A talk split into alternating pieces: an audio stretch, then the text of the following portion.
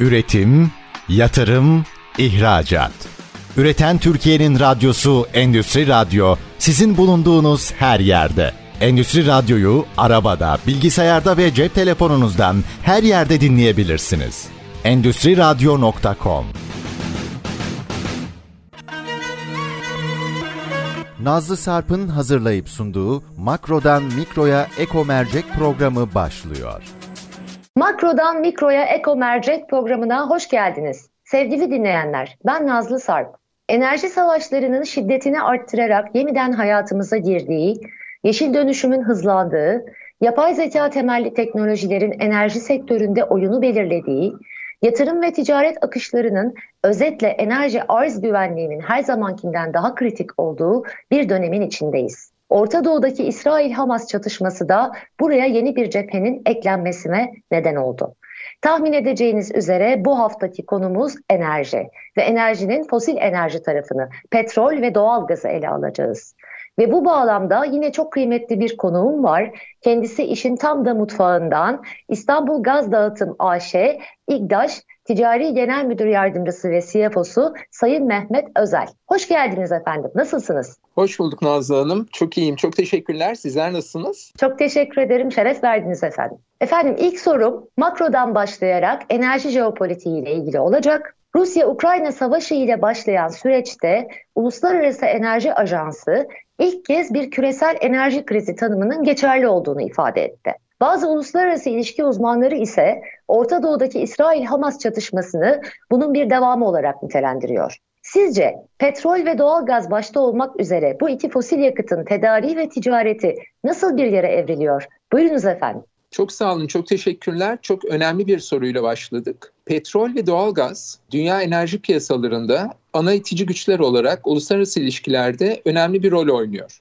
Fosil yakıtların geleceğini öncelikle ekonomik arz ve talep dengesi modelinde ele almak bence daha mantıklı olacaktır. Yakın coğrafyamıza baktığımızda petrol ve doğalgaz yataklarının birçoğu yani arzın birçoğunun Orta Doğu'da bulunduğunu görüyoruz. Bunun tüketimi ise şu anda yine yakın coğrafyamızda Avrupa'da. Coğrafyaları, hayat görüşleri ve tarihleri birbirinden farklı olan ve bilinen tüm tarihi metinlerde bitmeyen mücadeleler içinde olan bu iki kadim coğrafya hayatta kalabilmek için aslında her zaman birbirine ihtiyaç duyuyor. Günümüzdeki dünya ekonomisinin yeni üretim ve tüketim modeline baktığımızda tüketim eğilimlerindeki ve pazarlarındaki değişimle birlikte üretim üslerinin ve buna bağlı olarak lojistik ve strateji değişimlerinin ne yakından izlememiz gerekiyor. Avrupa üretime dayalı ekonomiden katma değerli üretim modeline uzun bir zaman önce geçti ve şirketlerini uluslararası platformlarda farklı pazarları açarak yeni ekonomik düzende yerini almaya çalışıyor. Bağımlılık ayağında önemli bir pranga olması sebebiyle yenilenebilir enerjide büyük atımlarda bulunarak Orta Doğu ile olan enerji bağını bir nebze de olsa kopartmak istemektedirler. Almanya'nın başını çektiği Avrupa topluluğu özellikle solar enerji ve rüzgar enerjisine yatırım yaparak petrol bağımlılığından senelerdir kurtulmaya çalışmakta.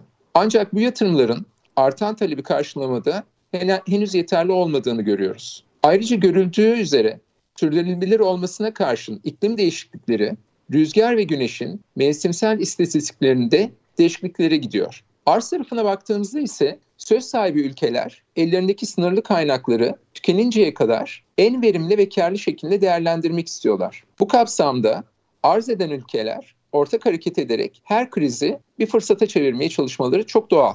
Öncelikle Rusya ve Ukrayna savaşının ortaya çıkarttığı enerjide dışa bağımlılık problemi Avrupa ülkelerinin ekonomik bağımsızlığını tehdit ediyor. Bilindiği gibi Ukrayna enerji sevkiyatı açısından kritik bir geçiş noktasıydı. Rusya, Ukrayna üzerinden Avrupa'ya doğal gaz tedariğinde önemli bir konuma sahipti. Ukrayna ile yaşanan kriz doğal gaz tedariğini doğrudan etkiledi.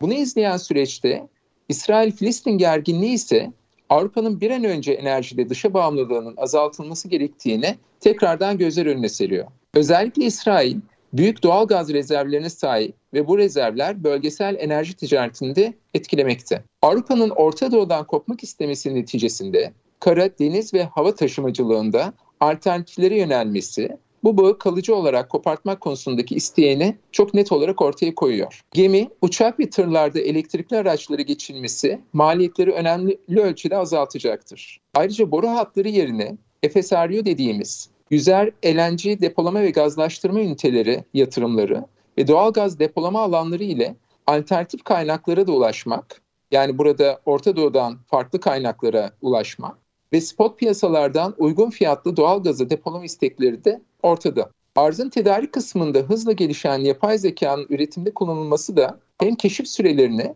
hem de maliyetleri düşürmede önemli bir katkı sağlıyor. Meksika körfezinin büyük üreticisi olan bir firma yaptığı açıklamada yapay zekayı kullanarak 9 ay civarında süren keşif sürelerini 9 güne kadar indirebileceğini, böylelikle maliyetlerin düşmesinin yanı sıra doğaya da zararın azaltılacağını belirtmiştir.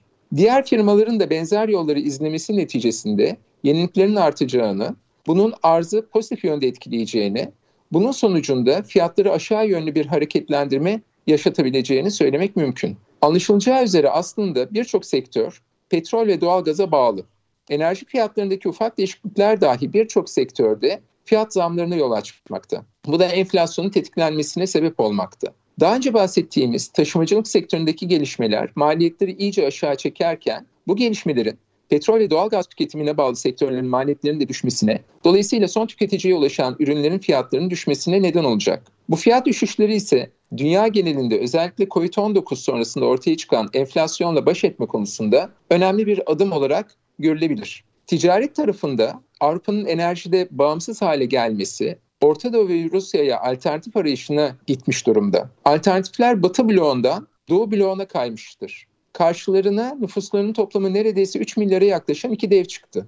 Bunlar Çin ve Hindistan. Başta Katar olmak üzere yeraltı kaynakları zengin olan ülkeler Avrupa'dan dolayı oluşacak kayıplarını telafi etmek ve daha fazla zararı uğramamak adına özellikle Çin Halk Cumhuriyeti ile ikili ticaret anlaşmaları yapmaya başlamışlardır. Bu anlaşmaların en sansasyonel olanı Katar'la Çin arasında imzalanan 27 yıllık LNG sözleşmesidir ki bu sözleşme sektörün gördüğü en uzun süreli anlaşma olarak tarihe geçmiştir.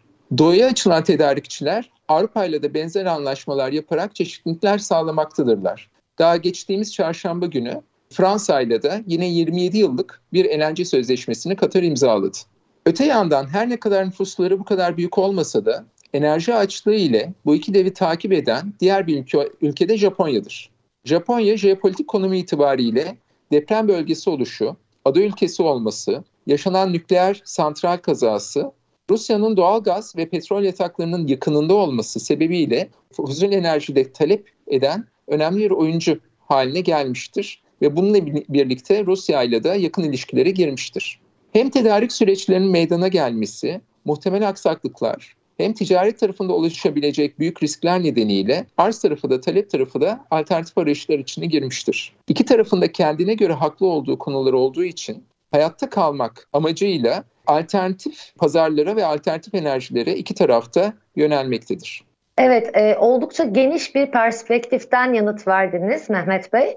E, özellikle Avrupa'nın başlatmış olduğu enerji dönüşümüyle beraber bilhassa Orta Doğu ve e, Rusya'daki bağımlılıklarını gidermeye yönelik yeni arayışlar içerisine girdiğini ve bunu ağırlıklı olarak yapay zeka teknolojilerinin desteğiyle gerçekleştirdiğini atıfta bulundunuz.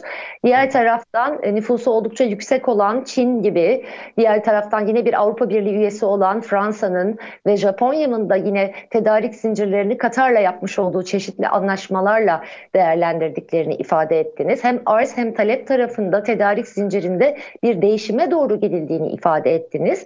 Diğer taraftan e, aslında Uluslararası Enerji Ajansı demişken burada geçenlerde bir yöneticisi ağzından kaçırdı diyebiliriz.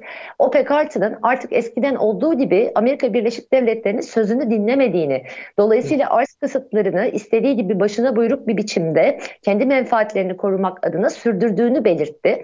Dolayısıyla enerji aslında burada uluslararası siyasetteki kutuplaşmanın da bir anlamda göstergesi de sayılabilir mi? Ne düşünüyorsunuz? Kesinlikle sayılabilir. Çok doğru söylüyorsunuz. Zira e, burada biraz önce de belirttiğim gibi ellerindeki kısıtlı kaynakları olabilecek en iyi fiyatlarla pazarlayıp buradan bir gelir elde etmek isteyen ülkeler artık kendilerinin çıkarları doğrultusunda hareket etmeye başladılar. Bu da çok normaldir. Bunun tam e, zıttını da Avrupa Birliği aslına bakarsanız ortak alım programıyla tam tersini de Avrupa Birliği yapmaya başladı. Yani ülkesel olarak yapılan anlaşmalardan ziyade kendileri bir topluluk olarak e, tüm gaz talebini açıklamak için yılda iki defa yapmaya başladıkları bir alım planı var. Bu anlamda bazı noktalarda yani çıkarlarının ortak olduğu noktalarda birleşiyorlar. Çıkarlarının birbirleriyle çatıştığı noktalarda da tamamen birlikler ayrışarak e, hareket etmeye başladı. Bunda çok haklısınız. Bu şekilde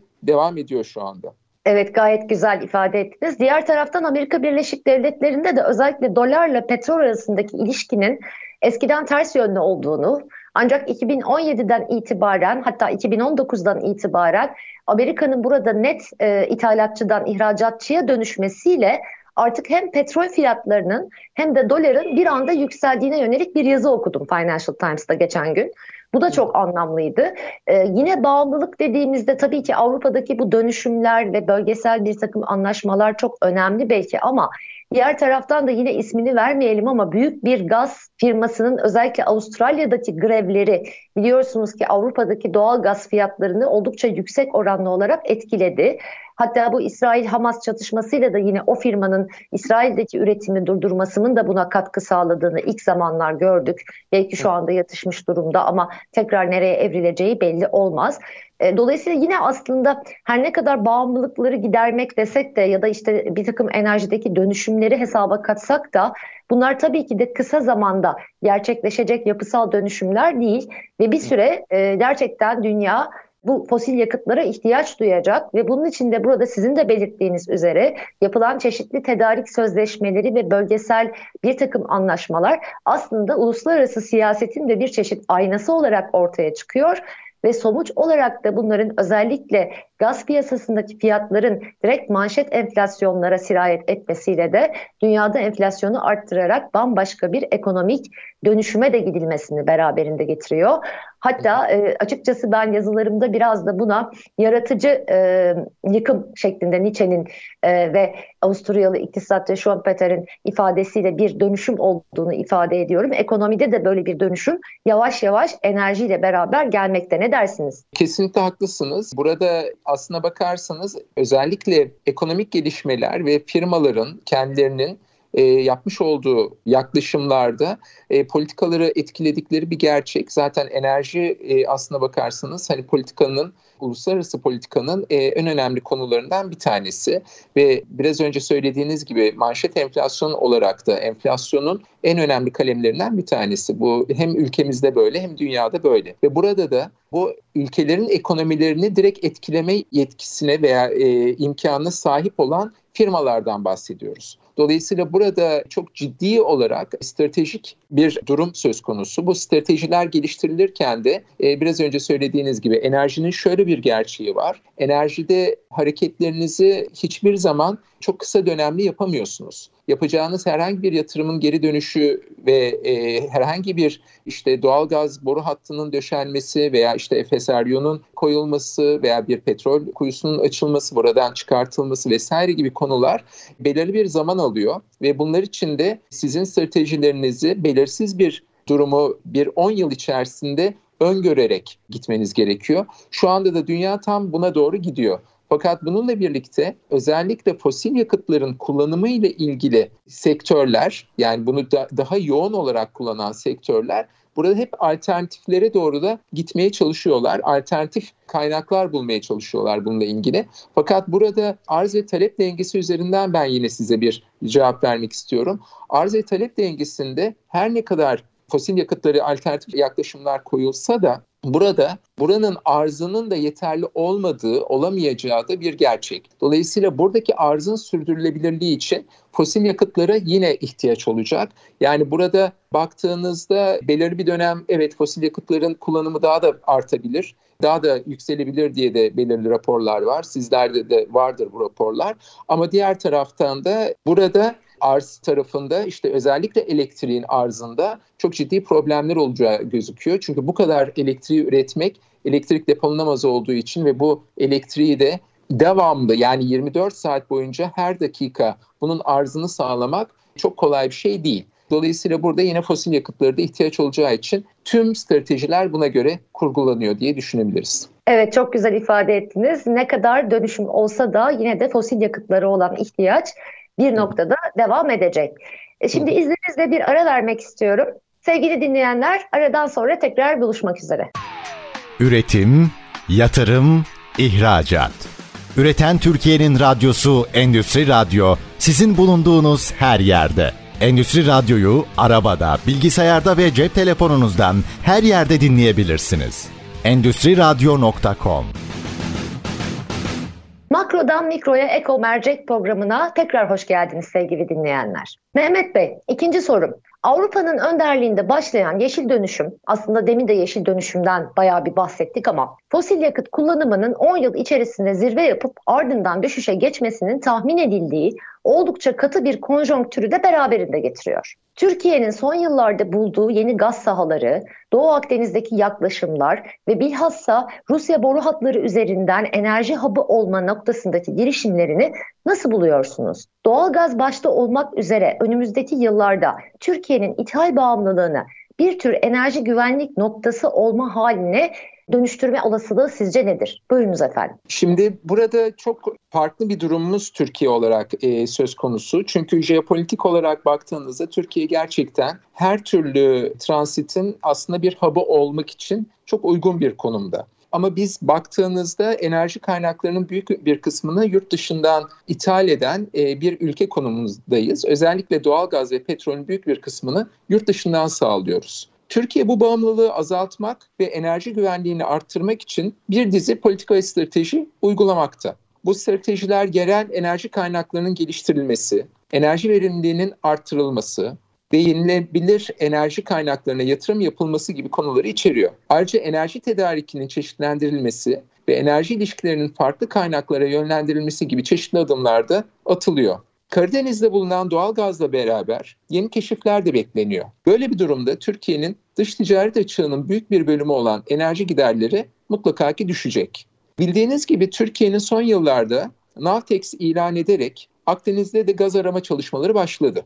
Doğu Akdeniz'de doğal gaz keşiflerinin yapılması ülkenin enerji arz güvenliği açısından önemli bir adım olacak. Ancak bu keşifler aynı zamanda bölgesel çatışmaları yol açıyor ve Türkiye'nin bazı komşu ülkelerle çatışma riskini ne yazık ki doğuruyor. Bu nedenle de bu kaynakların çıkarılması ve ticareti konusunda diplomasi ve uluslararası anlaşmaların önemi çok büyük. İsrail-Filistin gerginliği ve uzun zamandır süre gelen Akdeniz'deki çatışma ortamı buradan oluşturulmak istenen ticaret hatlarının güvenilirliği konusunda da soru işareti bırakıyor. Mumbai'den başlayıp Pire'de bitmesi öngörülen İmek ticaret koridorunda Türkiye dışarıda bırakılmak isteniyor. Bu gibi durumlar Akdeniz'deki suların ısınmasına sebep oluyor. İsrail kıta sahanlığı içerisinde çıkarılan doğal gazı önce Güney Kıbrıs üzerinden Avrupa'ya, daha sonra da maliyetler gözetildiğinde Mısır üzerinden Avrupa'ya iletmek istemesi, Türkiye'nin ortaya koyduğu kıta sahanlığını yok sayması bir problem olarak karşımıza çıkıyor. Türkiye Rusya ile çeşitli enerji projeleri üzerinde çalışıyor. Türk akımı gibi doğal gaz boru hatları bu projelere örnek. İsrail ile enerji işbirliği ise Leviathan ve Tamar gibi doğal gaz sahaları etrafında gelişiyor. Bu projeler Türkiye'nin enerji arz güvenliğini arttırabilir ve enerji ithalatını çeşitlendirebilir durumda. Kuzeyimizde Rusya tarafına bakacak olursak, kurulması istenen Gaz Hub projesi Rusya ortaklığı ile gerçekleşecek. Mevcut şartlarda bu durum pek olası gibi görülmese de enerji ithalatını yaptığımız en büyük ülke hali hazırda Rusya devleti. Bu ithalat Karadeniz üzerinden LNG gemileriyle olduğu için boru hatlarıyla da gerçekleşiyor. Yine bizim ihraç ettiğimiz gazın Ruslara ait olduğunu düşünürsek Türkiye'nin bir gaz hub olması hiçbir e, şaşırtıcı yönü yok bu konuda. Sadece Rusya tarafında değil Azerbaycan ve İran tarafından da gelen gazın Türkiye üzerinden aktarılması Türkiye'yi önemli bir konuma yerleştiriyor. Aynı zamanda Akkuyu nükleer santralinin işletmesinin Rusya'ya ait olması ikili ilişkilerin ilerleyen dönemlerde e, sıcak kalmasına, yakın olmasına sebep olacaktır. Doğu Avrupa ülkelerinin doğal gaza erişmesi yine Türkiye üzerinden olacağından ve yeni doğal gaz keşifleriyle birlikte Türkiye'nin kendi çıkarttığı gazı satma ihtimalini de düşünürsek bu ticarette Türkiye'nin en önemli konu olan fiyat belirleyici konumuna gelmesi gayet olası. Yeşil dönüşümün fosil yakıt kullanımını azaltma hedefleri Türkiye ve diğer ülkeler için enerji politikalarını yeniden düşünmeye zorluyor. Türkiye'nin enerji ithalat bağımlılığını azaltması ve yenilenebilir enerji kaynaklarına yatırım yapması enerji güvenliğini arttırabilir ve gelecekteki enerji dönüşümüne daha iyi hazırlanmasına yardımcı olabilir. Türkiye'nin enerji politikalarındaki bölgesel istikrarı ve işbirliğini teşvik etmeye odaklanması burada çok büyük bir önem arz ediyor. Çünkü enerji kaynaklarına erişim sık sık uluslararası işbirliği ve diplomasiyi gerektiriyor ve Türkiye bu anlamda e, hızlı bir şekilde kendini konumlandırarak tüm ülkelerle bu işbirliğini ve diplomasiyi sağlaması gerekiyor. Birinci bölümde bahsettiğimiz konuları tekrardan göz önünde bulundurduğumuzda. Ben bütün bunları hani bu şekilde söyledim e, Nazlı Hanım ama hani sizin sorunuz varsa şey yapayım yoksa bunun bir özet olarak da e, şeyim var içerisinde. Şöyle ki Mehmet Bey aslında çok önemli konulara değindiniz. Hatta bunun içerisinden öncelikli olarak G20 zirvesinde ele alınan İMEK ticari yolu özellikle biliyorsunuz Çin'in e, bir yol bir kuşak projesine alternatif olarak oluşturulmuş olan ve Türkiye'yi dışarıda bırakan bu yolun esasında bu en son Orta Doğu'daki e, savaş nedeniyle de rafa kalktığı söylenebilir mi? Öncelikle size onu sorayım. Ardından yine bununla ilgili küçük bir sorum daha olacak. Memnuniyetle rafa kalktığını hemen şu anda söylememiz mümkün değil. Ama büyük ölçüde oranın güvenirliğinin aslında kolay olmayacağı ve yine bir alternatifin olması gerektiği çok nettir. Burada Türkiye'nin e, bu tip koridorlarda yer almaması zaten söz konusu olamayacağını ben düşünmekteyim. Zira Türkiye'nin dediğim gibi jeopolitik konumu itibariyle Türkiye'nin bu gaz arzını ve güvenliğini sağlayan kilit oyuncu olduğunu düşünüyorum ben. Bütün koridorların tamamında, tüm ticaret koridorlarının tamamında. O yüzden Türkiye'nin burada hem fiyat belirleyici özelliğini alabileceğini hem de ana oyunculardan biri olabileceğini, karar verici oyunculardan biri olabileceğini düşünüyorum.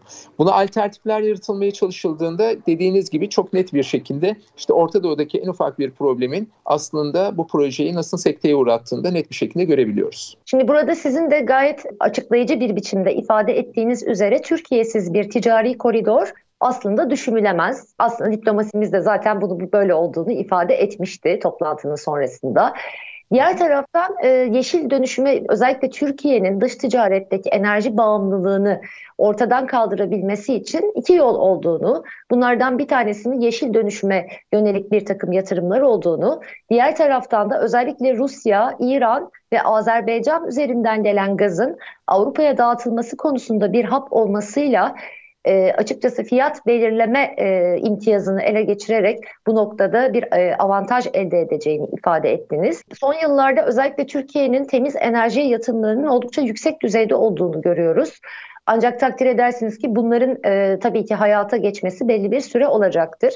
Ancak Rusya'nın özellikle e, Türkiye'de bir enerji hapı, bir gaz üzerine enerji hapı oluşturma isteği konusunda son dönemlerde çok fazla yazılıp çizilmiyor. Bazı uzmanlar bunun aslında e, çok olabilir olmadığını ifade ediyor. Siz bu konuda neler düşünüyorsunuz? Görüşlerinizi rica edeyim. Şimdi Rusya ile olan yani Rusya'nın e, konuya bakışında Türkiye'nin ben bir hub olma noktasında aslında ellerindeki en önemli kart olduğunu düşünmekteyim açılmak için. Bununla ilgili olarak da aslına bakarsanız her ne kadar basında yer almasa da, basında çok fazla şey olmasa da çok ciddi görüşmeler yapıldığını tahmin edebiliriz. Fakat burada diplomasi tekrardan devreye giriyor. Diplomasinin içerisinde belirli noktalarda biraz daha uzak kalınması, biraz daha yakın kalınması e, söz konusu. Bu diplomasinin dilinden kaynaklanıyor. Ama ben burada Türkiye'nin hiçbir şekilde es geçinemeyeceğini düşünüyorum. Ve bununla ilgili olarak da ben hali hazırda Türkiye'nin en büyük oyuncu olduğunu ve en önemli oyuncu olduğunu düşünüyorum. Gerçekten de çok doğru. Türkiye hem coğrafi konumu hem jeostratejik önemi hem de aslında kültürel kodlarından gelen itidalli tutumu nedeniyle bölgedeki e, bu anlamda en avantajlı, en önemli ülkelerden bir tanesi.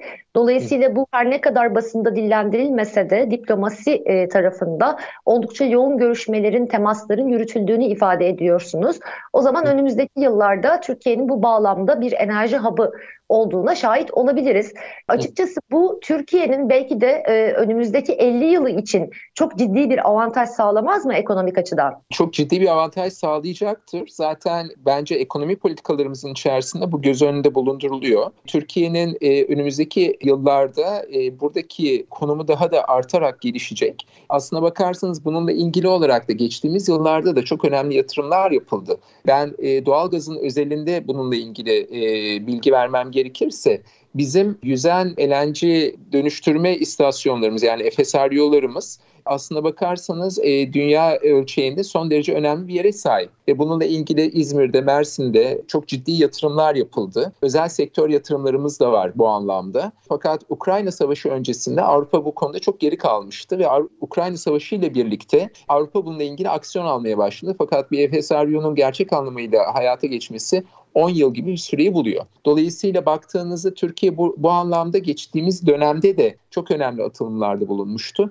ve şu anda da buna benzer atılımları devam ederek ve bu politikasını da buna göre oluşturarak gidiyor. Bu da önümüzdeki 50 yılın Türkiye'de e, aslına bakarsanız dediğiniz çok doğru önemli bir yere sahip olacağını çok net olarak gösteriyor. Evet gerçekten de ekonomik açıdan bu e, hayati önem arz ediyor diyebiliriz. Çünkü şu andaki zaten dış ticaret yapımıza baktığımızda Hatta cari dengeye bile bakıldığında enerji ve altın ithalatı özellikle çok ön plana çıkıyor. Hadi altın ithalatı bir anlamda tabii ki para politikalarıyla ya da işte konjonktürel bir takım ekonomik etkilerle çok yakından alakalı. Ancak enerji tam anlamıyla üretim için, büyümek için olmazsa olmazlardan. Dolayısıyla bu çalışmalar gerçekten de Türkiye'nin önümüzdeki dönemleri için oldukça büyük önem arz ediyor. Efendim bu konuyla ilgili diyeceğiniz başka bir şey yoksa tekrar bir araya gitmemizi rica edeceğim. Uygun musunuz? Ben hani bütün aslında bu konuştuklarımızı ve sizin söylediklerinizle de birlikte şöyle bir e, özet yapmak istiyorum. Dünya genelinde artan iklim değişikliği endişeleri ve çevresel sürdürülebilirlik hedefleri fosil yakıtları olan bağımlılığı azaltmaya ihtiyaç duyuyor.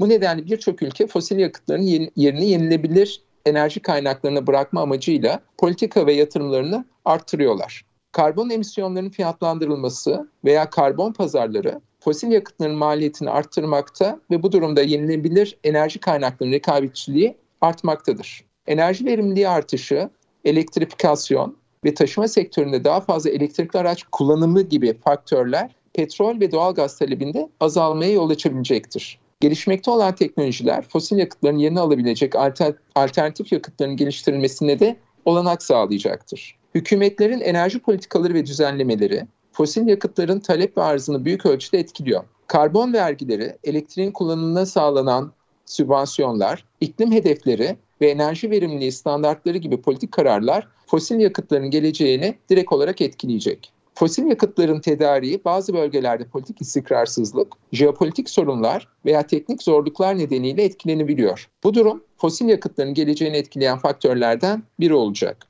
Temiz fosil yakıt teknolojileri, örneğin karbon yakalama ve depolama, fosil yakıtların daha az çevresel etkiye sahip bir şekilde kullanılmasını mümkün kılacak. Bu tür teknolojiler fosil yakıtların gelecekte önemli bir enerji kaynağı olarak kalmasında sağlayabilir bir alternatif olarak. Sizinle biraz önce bahsettiğimiz Uluslararası Enerji Ajansı'nın 2023 orta vadeli gaz piyasası raporunda gaz piyasalarında 2011-2021 döneminde öngörülen güçlü büyümenin bundan sonra zayıflayacağı öngörülüyor. Talep yavaşlamasında yenilenebilir enerji kaynaklarına dönüşüm ve enerji verimliliğinde ilerlemenin etkili olduğunu e, belirttiler. Ve küresel doğal gaz talep artışının 2022-2026 döneminde ortalama %1.6'ya gelineceğini tahmin ediyorlar. 2017 ve 2021 yılın, e, yıllarında ise ortalama talep artışı %2,5'tu. Yine enerji piyasaları ve güvenliği direktörü Keisuke Tadamori, gaz talebinin gelişmiş ve gelişmekte olan ülkelerde farklı seyir izleyebileceğine dikkat çekerek 2030 yılına kadar küresel gaz talebinin pik yapacağını belirtti. Biraz önce belirtmiştim bunu. Yine biraz önce belirttiğim bir konu olarak da son e, bunu söylemek istiyorum. Avrupa Birliği'nin ortak gaz alım uygulaması Rus doğal gazının alımını azaltmaya çalışan Avrupa Birliği'nde ortak pazar gücünü kullanarak uluslararası tedarikçilere daha iyi fiyatlar müzakere etme imkanı sağlıyor. Aynı zamanda buradan alınan gazın depolarda koordineli ve zamanında doldurularak gelecek kışlara hazır edilmesini sağlıyor. AB Komisyonu enerji şirketlerinin birlikte gaz alım için kurulan mekanizma çerçevesinde ilk talep toplama sürecini bu yıl 25 Nisan'da başlatmıştı. Her yıl iki defa bu komisyonu toplayarak toplu alımlara ve depolama ve bunun kullanımı için Avrupa'nın genelinde kullanıma doğru bir alternatif yaratmaya başladı. Evet sizin de çok güzel özetlediğiniz gibi 2030 yılına kadar özellikle e, doğal gaz bağlamında fosil enerji kullanımının e, pik yapacağı yani zirve yapacağı ama ardından yeşil dönüşümle beraber bir düşüşe geçeceği bekleniliyor. Bu aslında OPEC tarafından da en çok eleştirilen konulardan bir tanesi. Çünkü aslında Avrupa'da başlatılan bu yeşil dönüşüm hikayesi her ne kadar Amerika ve ülkemizde de belirli bölgelerde hatta özellikle Körfez bölgesindeki yatırımlarla giderek artış kaydetmiş olsa da yine de dünyanın tamamı bu teknolojiye de bir taraftan hazır değil. Yine burada özellikle Avrupa önderliğinde bir takım bölgesel tedarik anlaşmaları yapılmak suretiyle de yine ekonomik avantaj sağlanmaya çalışılıyor. Evet efendim şimdi müsaadenizle bir araya gidelim. Sevgili dinleyenler aradan sonra tekrar görüşmek üzere. Üretim, yatırım, ihracat. Üreten Türkiye'nin radyosu Endüstri Radyo sizin bulunduğunuz her yerde. Endüstri Radyo'yu arabada, bilgisayarda ve cep telefonunuzdan her yerde dinleyebilirsiniz. Endüstri Radyo.com Makrodan Mikro'ya Eko Mercek programına tekrar hoş geldiniz sevgili dinleyenler. Ben Nazlı Sarp. Mehmet Bey, üçüncü ve son sorumuzla devam ediyoruz. İGDAŞ, Türkiye'nin en büyük gaz dağıtım şirketi. Öncelikli olarak şirket politikanızı ve gazın son tüketiciye erişimi noktasındaki misyonunuzu dinleyicilerimize anlatabilir misiniz? Ayrıca kadın çalışanlara yönelik istihdamın arttırılması noktasındaki çalışmalarınızı sürdürülebilirlik kapsamında ele alabilir miyiz? Buyurunuz efendim. Bildiğiniz gibi İGDAŞ İstanbul'a e, doğal gaz dağıtımında e, yetkili olan Türkiye'nin en büyük, dünyada da sayılı büyük olan firmalardan bir tanesi. Aynı zamanda da çok uzun süredir İstanbul'a hizmet vermekle birlikte doğal gaz piyasası için bir okul konumunda. Şirketimiz misyon olarak doğal gaz hizmetlerini güvenli, sürdürülebilir, yenilikçi, çevreye ve insana değer katan bir anlayışla tüketiciye sunmak olarak e, nitelendirir. Bununla birlikte bizim için en önemli olan nokta birincisi dediğimiz gibi sürdürülebilirliktir. Güvenli olarak bunu yapmaktır ve bunu yaparken de tüm sektöre yenilikçi bir anlayışla ve çevreye ve insana duyarlılığımız bu anlamda çok önemli. Bütün bu e, değerlerin hepsine İGDAŞ olarak çok sahip çıkıyoruz. Bizler için hiçbir zaman vazgeçemeyeceğimiz değerler bunlar. Hiçbir e, konuda bunlardan taviz vermiyoruz. Bununla birlikte kadın çalışanlara yönelik olarak istihdamın artırılmasında bunu bir sürdürülebilirlik ve toplumsal sorumluluk açısından bakılıyor. Sayın Genel Müdürümüz Doktor Mithat Bülent Özmen bu anlamda çok ciddi bir çalışma e, yapıyor. Kendisi bir şekilde bunun en önemli neferlerinden biri. İstanbul Büyükşehir Belediyesi ile birlikte bu çalışmalarını yürütüyor ve bizde kadın istihdamını arttırmak ve cinsiyet eşitliğini sağlamak için çok ciddi faaliyetlerde bulunuyoruz hep birlikte. Bu anlamda İGDAŞ olarak baktığımızda da sektörden daha fazla kadın istihdamı sağladığımızı, sektör ortalamasının çok üzerinde olduğumuzu da çok rahat bir şekilde ifade edebilirim. Kadın yönetici sayısında da sektörün çok çok çok çok üstündeyiz. Burada ben istatistiki olarak diğerleriyle kendimizi kıyaslamak istemiyorum. Çünkü biz sektör olarak aslına bakarsanız bir bütünüz. Biz İGDAŞ olarak burada bazı bayrakları e, elimizde daha ileriye ve daha önemli taşıdığımızın farkındayız. Ama beklentimiz ve isteğimiz öncelikle doğalgaz sektörüne ama daha sonrasında da tüm Türkiye'de kadın istihdamının ve kadın yönetici sayılarının artırılmasına yönelik benzer çalışmaları hep birlikte yapmak, her tarafta bunu arttırmak. Yani burada ben sadece İGDAŞ'ın yapmasını yeterli bulmuyorum e, veya şirket olarak, yönetim olarak biz bunu yeterli bulmuyoruz. Tam tersi tüm ülkemizde bununla ilgili tüm firmalarla bizden istenecek olan tüm desteği de vermek kaydıyla biz bunun geliştirilmesi gerektiğine inanıyoruz. Kadın çalışanlarımıza eşit fırsatlar sunarak iş başvurularında, terfilerde ve eğitim programlarında cinsiyet ayrımcılığı yapmadan direkt olarak onları istihdam ediyoruz. Aynı zamanda yeri geldiğinde de tabii ki kadın çalışanlarımıza pozitif ayrımcılık yaptığımız noktalarımız da mutlaka ki oluyor. Kadınların yönetim pozisyonlarına yükseltilmesini destekliyoruz.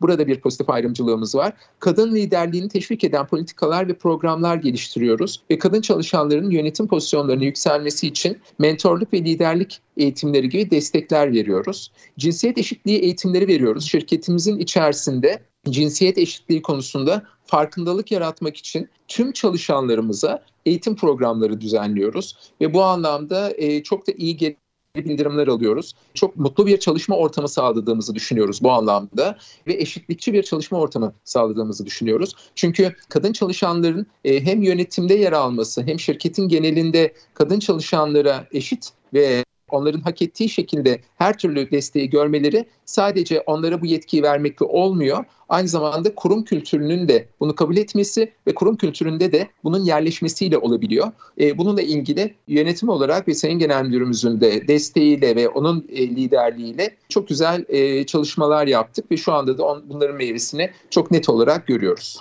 Evet, özellikle İGDAŞ olarak sürdürülebilirlik anlamında çalışanların cinsiyet eşitliği konusunda oldukça pozitif bir politikanız var. Bunu da gayet detaylı bir biçimde anlattınız. Gerçekten de bu ülkemizdeki pek çok kurumda olması gereken e, bir konu. Bütün dünyada ne yazık ki çalışma, istihdamda bir e, cinsiyet eşitliği söz konusu değil. Bu üst yöneticilik, yöneticilikten tutun da alınan ücretlere kadar pek çok noktaya kadar ilerleyebiliyor. Bu ayrı bir sorun zaten.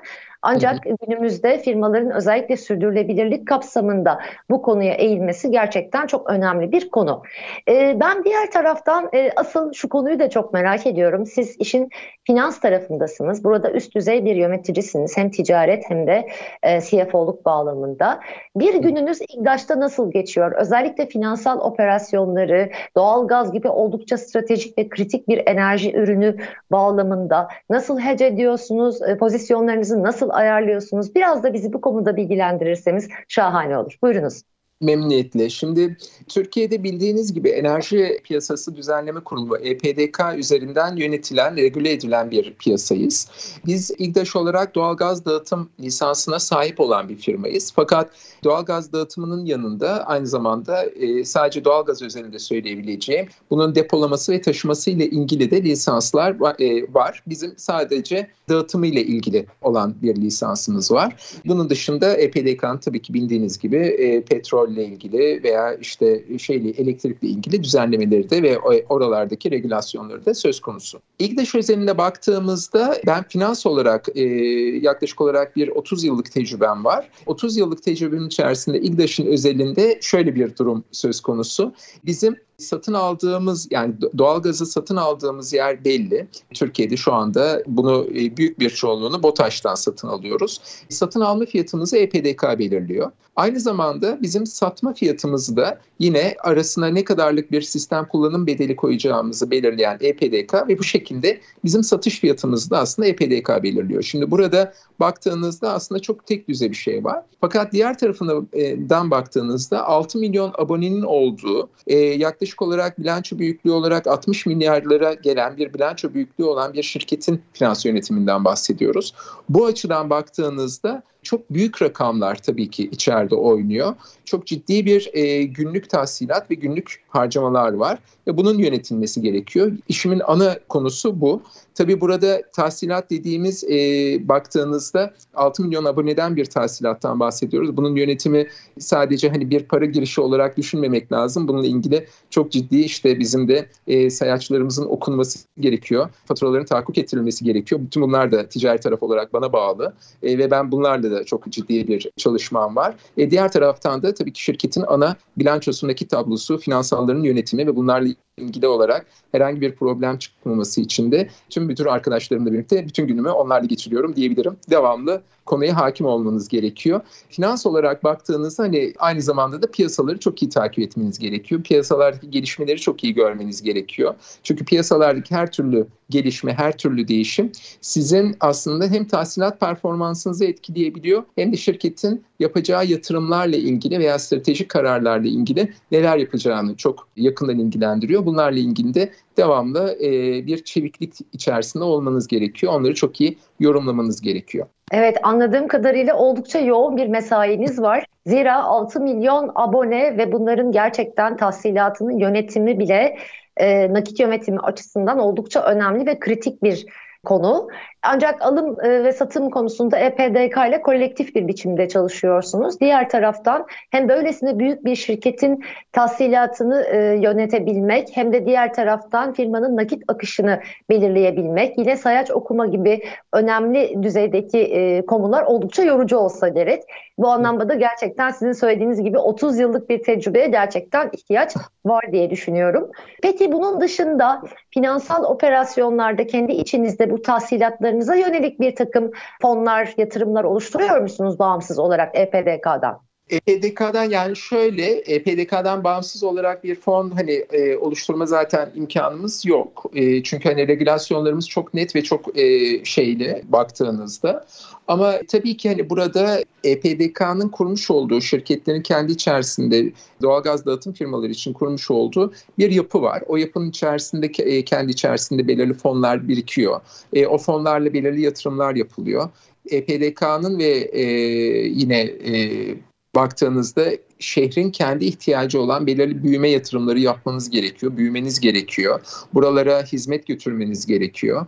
Ee, biz tabii burada e, özel sektörden biraz ayrışıyoruz bir kamu şirketi olduğumuz için. Kamu şirketi olarak biz ekonomik gelir modeline göre değil, vatandaşın gerçekten ihtiyacına göre yatırımlarımızı şekillendiriyoruz. Bazı yatırımlarımız ekonomik olarak çok doğru olmasa da orada vatandaşın ihtiyacına doğru gitmemiz gerekiyor ve bunları da kendi içimizde finanse etmemiz gerekiyor. İGDAŞ kendi içerisinde yeterli bir kurum, e, kendi kendine yetebilen bir kurum. O yüzden dışarıdan ekstra bir fon e, bulma ihtiyacı duymuyor.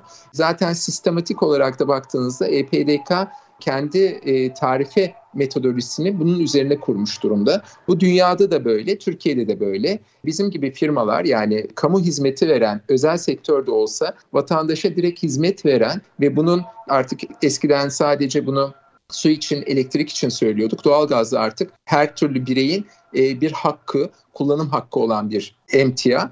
Dolayısıyla bunun sürdürülebilir ve güvenilir bir şekilde verilmesi için de firmaların ekonomik güçlerinin belirli bir noktada olmasını EPDK çok önemsiyor. E, bundan dolayı da buna uygun bir e, yapı kuruyor. Yani şirketler yaptıkları her türlü yatırımın, her türlü harcamayı aslında EPDK'ya bildiriyorlar. EPDK da bunların makul ölçüde geri dönmesini sağlıyor. E, bununla ilgili karşılıklı olarak da görüşüyoruz. Hani biraz önce sorduğunuz sorunun aslında çok temelde çok önemli bir e, yansıması daha var. Benim en önemli bana bağlı olan departman Tarifeler Müdürlüğü'dür. Tarifeler Müdürlüğü EPDK ile olan tüm ilişkilerimizi ve bu biraz önce bahsettiğim aslında bizim sistem kullanım bedeli adı altında ne kadarlık bir e, bedel alabileceğimizin belirlendiği yerdir. Burası çok ciddi bir istatistik, çok ciddi bir aynı zamanda e, mevzuat bilgisi e, ve çok ciddi bir ilişki yönetimi gerektiren bir birimdir. Tarifeler Müdürlüğü. Benim vaktimin aslına bakarsanız en büyük kısmı da oraya gidiyor diyebilirim. Evet bir kamu kurumu olarak açıkçası çok daha farklı sorumluluklarınız da var. E, Allah kolaylık versin diyeyim her şeyden evvel. Ee, diğer taraftan kamu kurumu olmanın getirdiği bir sorumluluk da bilhassa yatırımların özellikle karlılıktan mada fayda maliyet analizine göre yapılmış olması. Siz de buradaki çalışmalarınızı gerçekten oldukça detaylı bir biçimde bize anlatmış oldunuz. Böyle bir resmini çizdiniz diyebilirim Mehmet Bey. Gerçekten de çok teşekkür ediyorum. Öncelikli olarak katılımınız için e, oldukça faydalı bilgiler verdiniz. Hem kurumunuz hakkında hem de enerji piyasasının, fosil enerji piyasasının jeopolitiği ve makro mikro boyutları hakkında. Çok teşekkür ediyorum bu bağlamda katıldığınız için. Ben çok teşekkür ediyorum bana bu imkanı sağladığınız için ve bu güzel e, ekonomik sohbeti e, yaptığımız için ben sizlere çok teşekkür ediyorum. Çok sağ olun. Sevgili dinleyenler bu haftaki programımızın da sonuna geldik. Esenlikle kalın lütfen.